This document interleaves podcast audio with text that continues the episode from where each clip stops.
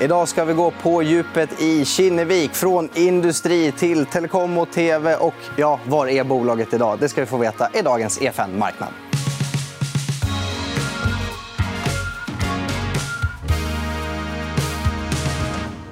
Yes, och därför säger jag välkommen till Jorgi Ganev, vd, och eh, Stefan Wård, analytiker. Tänkte vi ska börja och prata om den här transformationen som har skett ett tag. Eh, den har, det har skett flera gånger förut i Kinneviks historia men nu är vi på väg mot hälsovård, e-handel, tech. Eh, kan du berätta lite mer om, om det ni gör? Absolut. Eh, precis som du säger så har ju Kinnevik gjort det här förut. Och när jag tillträdde som vd för knappt tre år sedan då sa jag att vi var redo att rita om kartan igen. Och det är det vi gör nu. Ehm, vi har investerat i nya sektorer eh, där vi ser starka konsumenttrender som vi tror är här för att stanna. Och på samma sätt som vi har förändrats tidigare som bolag så är vi på väg nu igen. Vi har kommit en bit på väg. faktiskt. Mm. Mm. Vad tycker du om den här transformationen, Stefan? Jättespännande. Många intressanta investeringar i portföljen som jag tror kan generera ordentlig avkastning framgent. Så att, eh, det ser mycket intressant ut. Mm.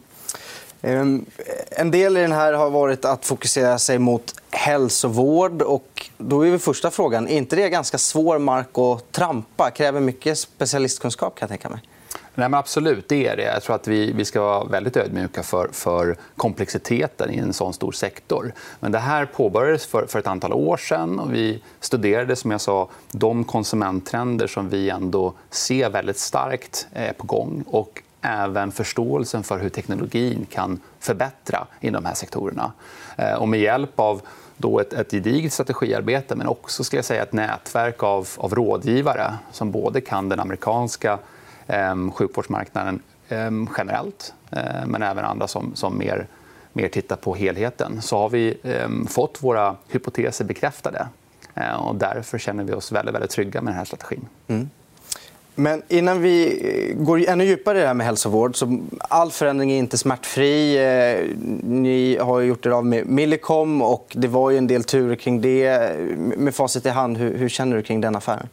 Men absolut. Jag tror att, att ehm, som du säger, det är väldigt få gånger en förändring, en förändringsresa är, är helt smärtfri. Ehm, det har varit en del nödvändiga strukturaffärer för att ta Kinnevik där vi är idag.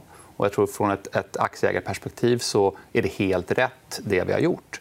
Sen då kan man diskutera huret. Och det är klart, det här bevisar ju att det är ibland smärtsamt att, att göra de här affärerna när exempelvis i Millicoms fall då, vi äger 38% av ett bolag och har gjort det sen bolagets start. Ehm, och det finns ett, ett fåtal eh, mer eller mindre realistiska köpare av ett sånt bolag.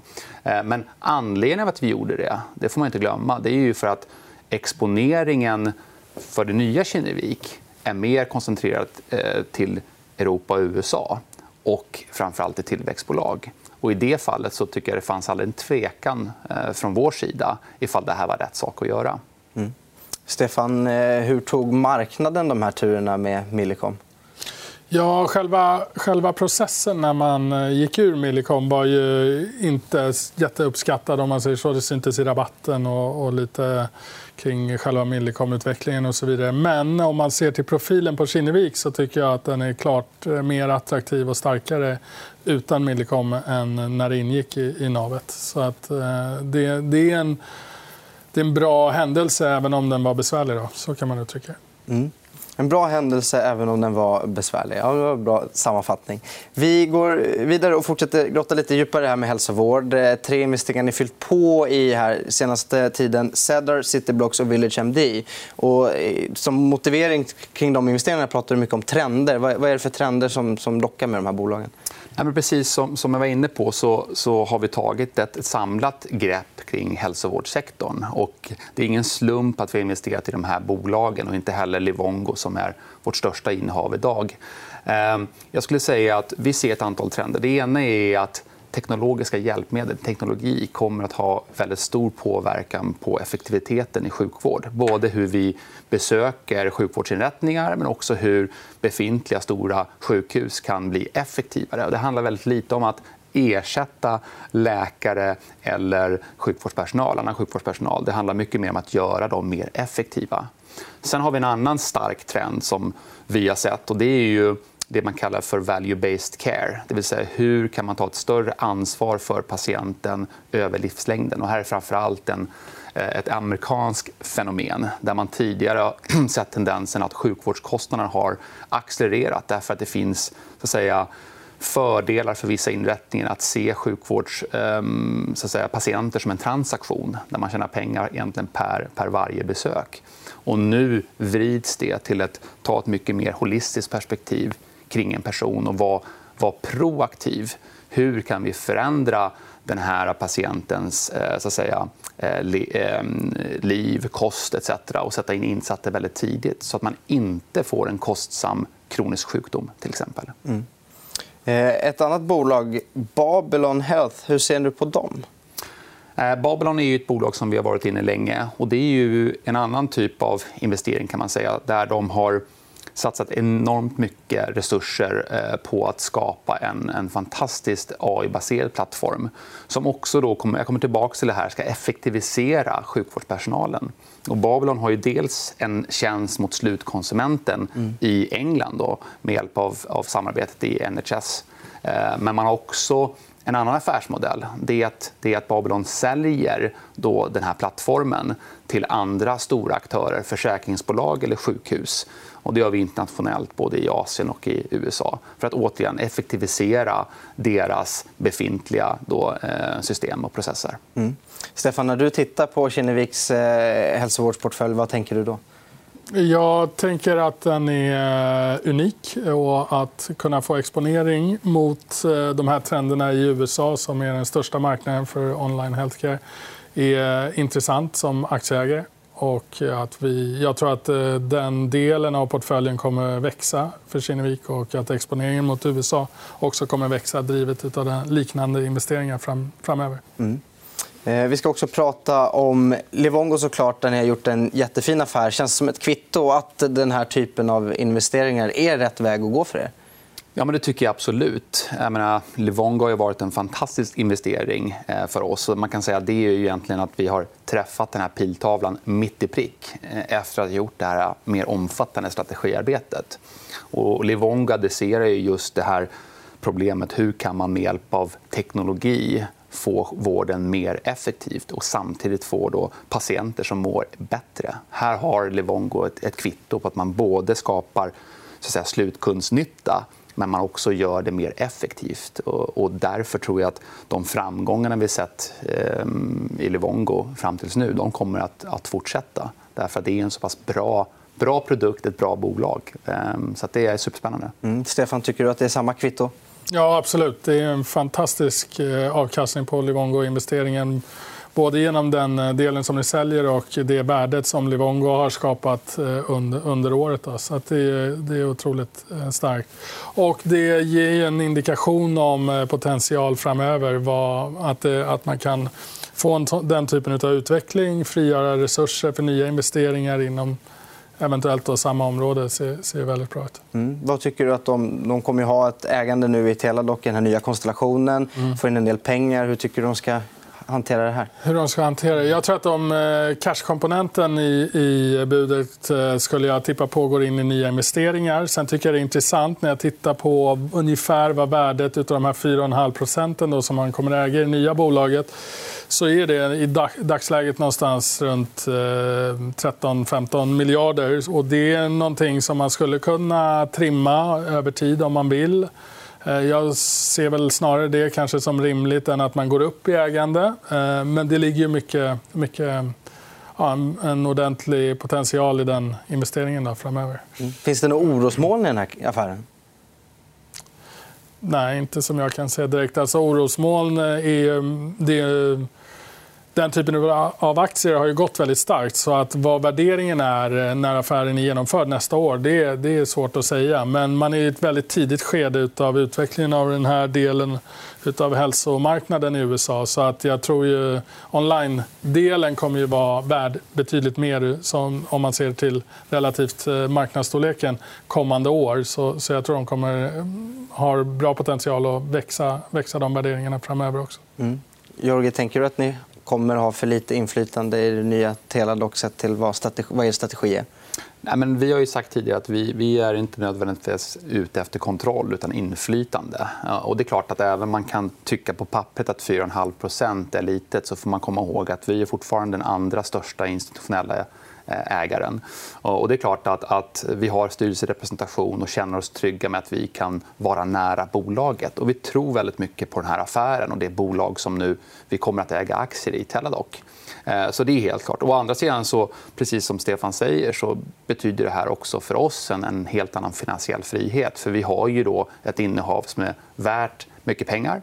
Ehm, och vi tror att det, är, det, det möjliggör oss att, att verkligen fortsätta med, med det vi tror att vi är bäst på, det vill säga hitta nya möjligheter och nya konsumenttrender att investera i. Mm. Hur kommer det sig att det blir just amerikansk hälsovård och inte europeisk eller eh, ja, emerging markets? Ja, men det, det, det beror på flera saker. Nummer ett, eh, jag tror att alla, de flesta i alla fall kan konstatera att, att eh, den amerikanska hälsovården inte fungerar särskilt väl. Kostnaden i förhållande till BNP är väldigt, väldigt hög. Den håller på att gå mot 20% eh, Det är klart det är ett problem som måste eh, förändras. Det andra det är att marknaden är ju enorm. Så du behöver inte skala din produkt eller idé till, till flera länder som kan ha andra typer av lokala så att säga, restriktioner eller förutsättningar för bolag. Och, eh, det tredje är Kanske någonstans länkat med det första, att den inte fungerar än så länge. Den är väldigt kommersiell. Men det är också en möjlighet i förändringen där det finns starka kommersiella aktörer som förstår att om vi ska bli lönsamma och kunna leverera bra patientnytta då måste vi ta hjälp av den här teknologin. Och på det sättet så ser vi att vissa av de trenderna som sker nu i USA de går snabbare där än i andra delar av världen. Och det tycker vi är väldigt spännande. Mm. Någonting annat som ni har fokuserat en del på, ganska mycket på, e-handel. Eh, Stefan, Zalando är ett bolag som ligger dig varmt om hjärtat. där Kinnevik precis sålt av lite grann. Ehm, hur tänker du kring det här? Jag ser ju att Zalando fortsätter att vara extremt spännande. tror jag. Eh, man har eh, optimal position skulle jag säga, i sin marknad i Europa. där Jag tror att man kommer fortsätta att generera stark tillväxt de kommande tre, fyra åren. Det ligger också i deras eh, mål. Då. Och när jag tittar på Zalando så ser jag att de i år kommer att ha en ebitda någonstans runt 500 miljoner euro vilket täcker deras investeringsbehov eh, det löpande investeringsbehovet mer än väl. Så jag tycker det ser spännande ut också ur det perspektivet. Man har eh, ungefär 2 miljarder euro, alltså 20 miljarder kronor drygt, i, i kassan. Eh, så de har all möjlighet att fortsätta stärka, stärka sitt grepp på marknaden i Europa. Och det tror jag, ser man i ett femårsperspektiv så, så är Zalando-aktien jätteintressant. Mm. Finns det en risk eller möjlighet, beroende på hur man ser att om, Kinevi, eller om Zalando fortsätter att bli en sån här kassako att Tele2 spelar ut sin roll lite i Kinneviks portfölj? Ja, eh, man skulle kunna se det. att eh, om, om vi flyttar fram blicken tre, fyra år i varje fall då tror jag liksom Zalando kommer vara dubbelt så stort. Eh, man kommer ha bättre marginaler, man kommer generera ordentligt med, med, med cashflow. Eh, inte omöjligt att de blir ett utdelande bolag någonstans i, i den tidshorisonten. Och skulle man få utdelningar både från Tele2 och Zalando så, så det är klart att, att eh, relevansen av Tele2s utdelningar blir, blir lägre. Sen vad man gör det, det, får vi se. naturligtvis. Men det här är ett spännande perspektiv att ha på Zalando. tycker jag. Mm. Vad tänker du om det här perspektivet? Jag tänker väl att det viktigaste för oss nu det är att, att fråga oss själva tror vi på den position som Zalando har. Och tror vi, håller jag med Stefan. Eh, och det, och det gör jag. Ehm, vi har ju sett Zalando svängt ganska mycket de senaste åren där, där kursen var relativt nedtryckt måste man ändå säga, under eh, noteringsnivåer till och med runt drygt 20 euro. Hur kändes det i det läget när den var där nere? Ja, men för oss, vi var, det är aldrig roligt när en aktie går ner på det sättet men vi var lika övertygade då som vi är idag att strategin som Zalando har är rätt. Eh, därefter så gick det ganska fort. Först hade bolaget en ny kapitalmarknadsdag i, i, i um, februari 2019 där man då tydliggjorde skulle jag säga, att det värdet som Zalando tillför det är just att man har en, en enormt fantastisk plattform både vad gäller logistik och trafikgenerering och ett stort så säga, sortiment. Och att man kan bli varumärkenas vän snarare än att man konkurrerar ut dem. Så att man gjorde mindre väsen av att, att det fanns egna eh, varumärken. och Det till och med skalade ju sen Zalando bort. Utan istället säger hur kan vi bli den ledande plattformen för mode och skönhet och liksom vara startpunkten. Och det har vi sett nu i, den här, i spåret av den här pandemin. Då, som såklart är, är förskräcklig i sig. Men vi har ändå sett ett ökat digitalt beteende. Och det har gjort att Zalando har stärkt sin position ytterligare. Och man har också ett, verkligt kvitto på att att man kan just bli den här plattformen som hjälper varumärken och till och med kedjor med fysiska butiker. Så jag skulle säga att, att, vi tror väldigt mycket på just Zalando fortfarande som bolag. och Det är det viktiga. Mm. Sen att spekulera om vår portföljkoncentration etc. Det, det, det vill jag inte göra idag. Nej. Eh, hur ser du på Zalandos position när Amazon expanderar ganska offensivt i Europa?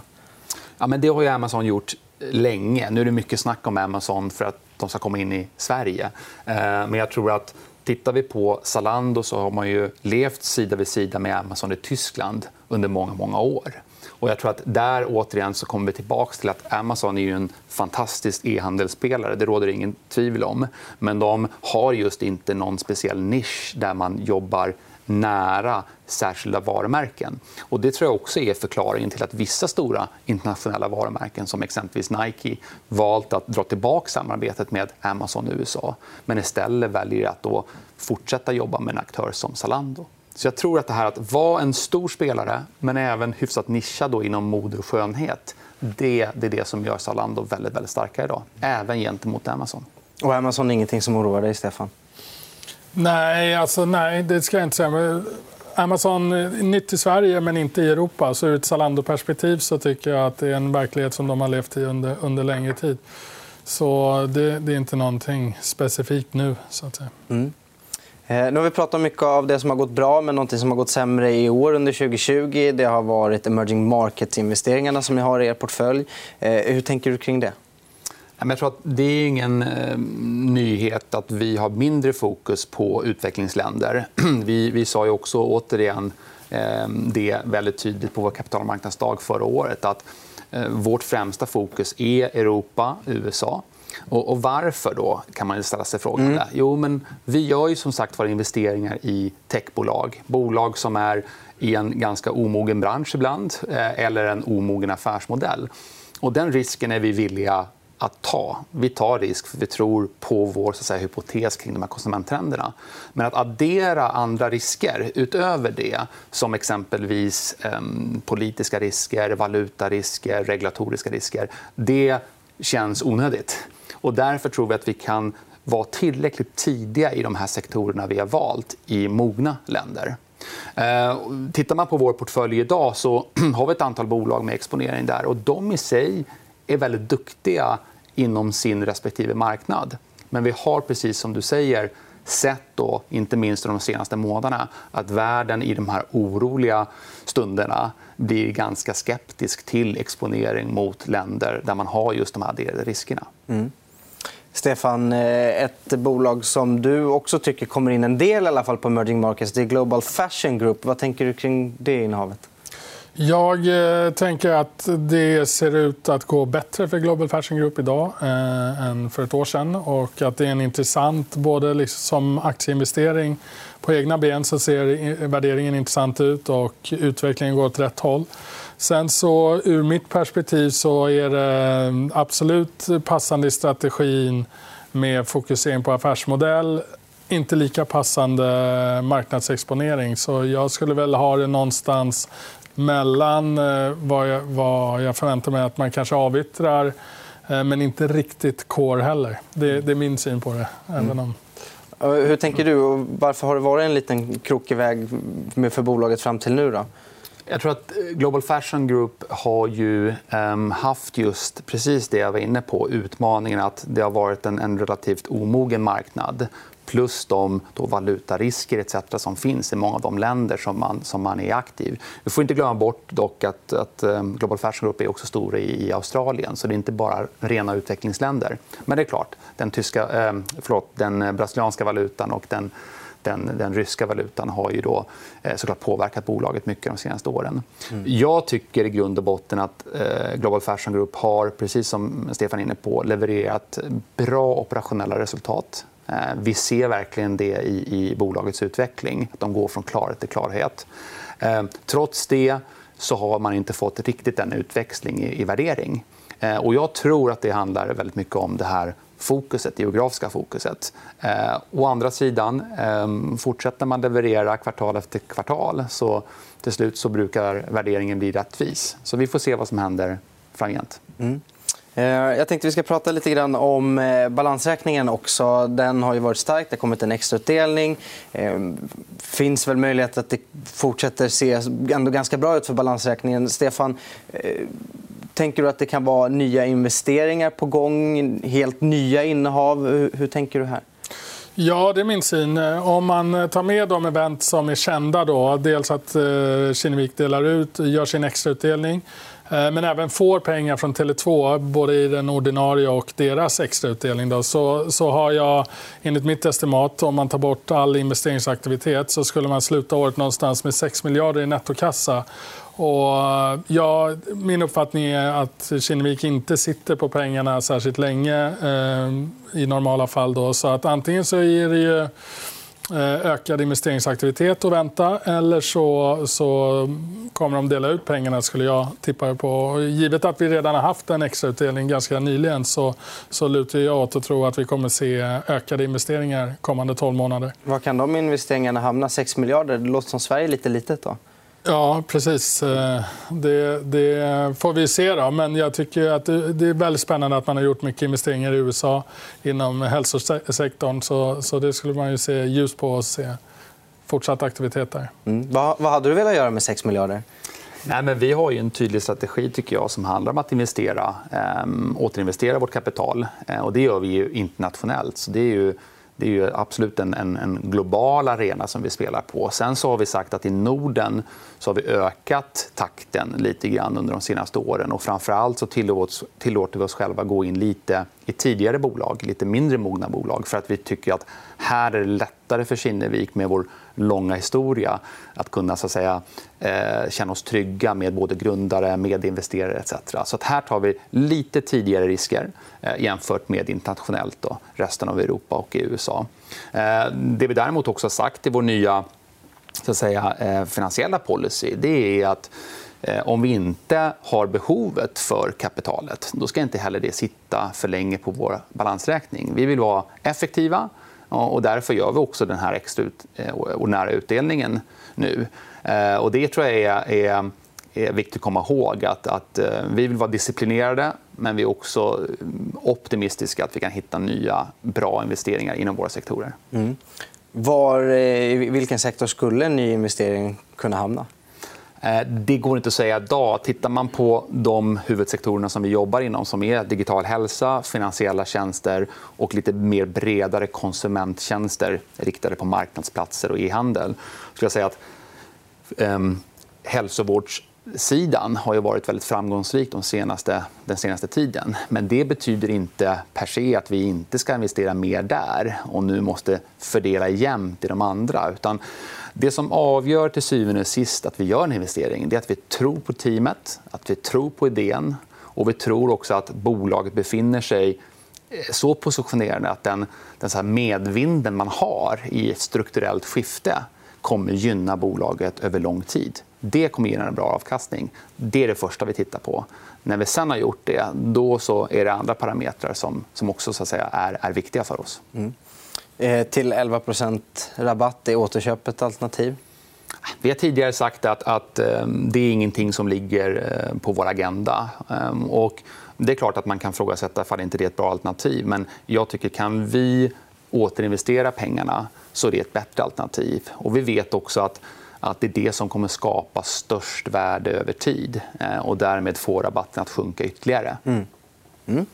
Eh, vi ska hinna med lite fler grejer. Eh, hållbarhet var nåt som fick lite extra kärlek upplevde jag i senaste kvartalsrapporten. Hur, hur kommer det sig?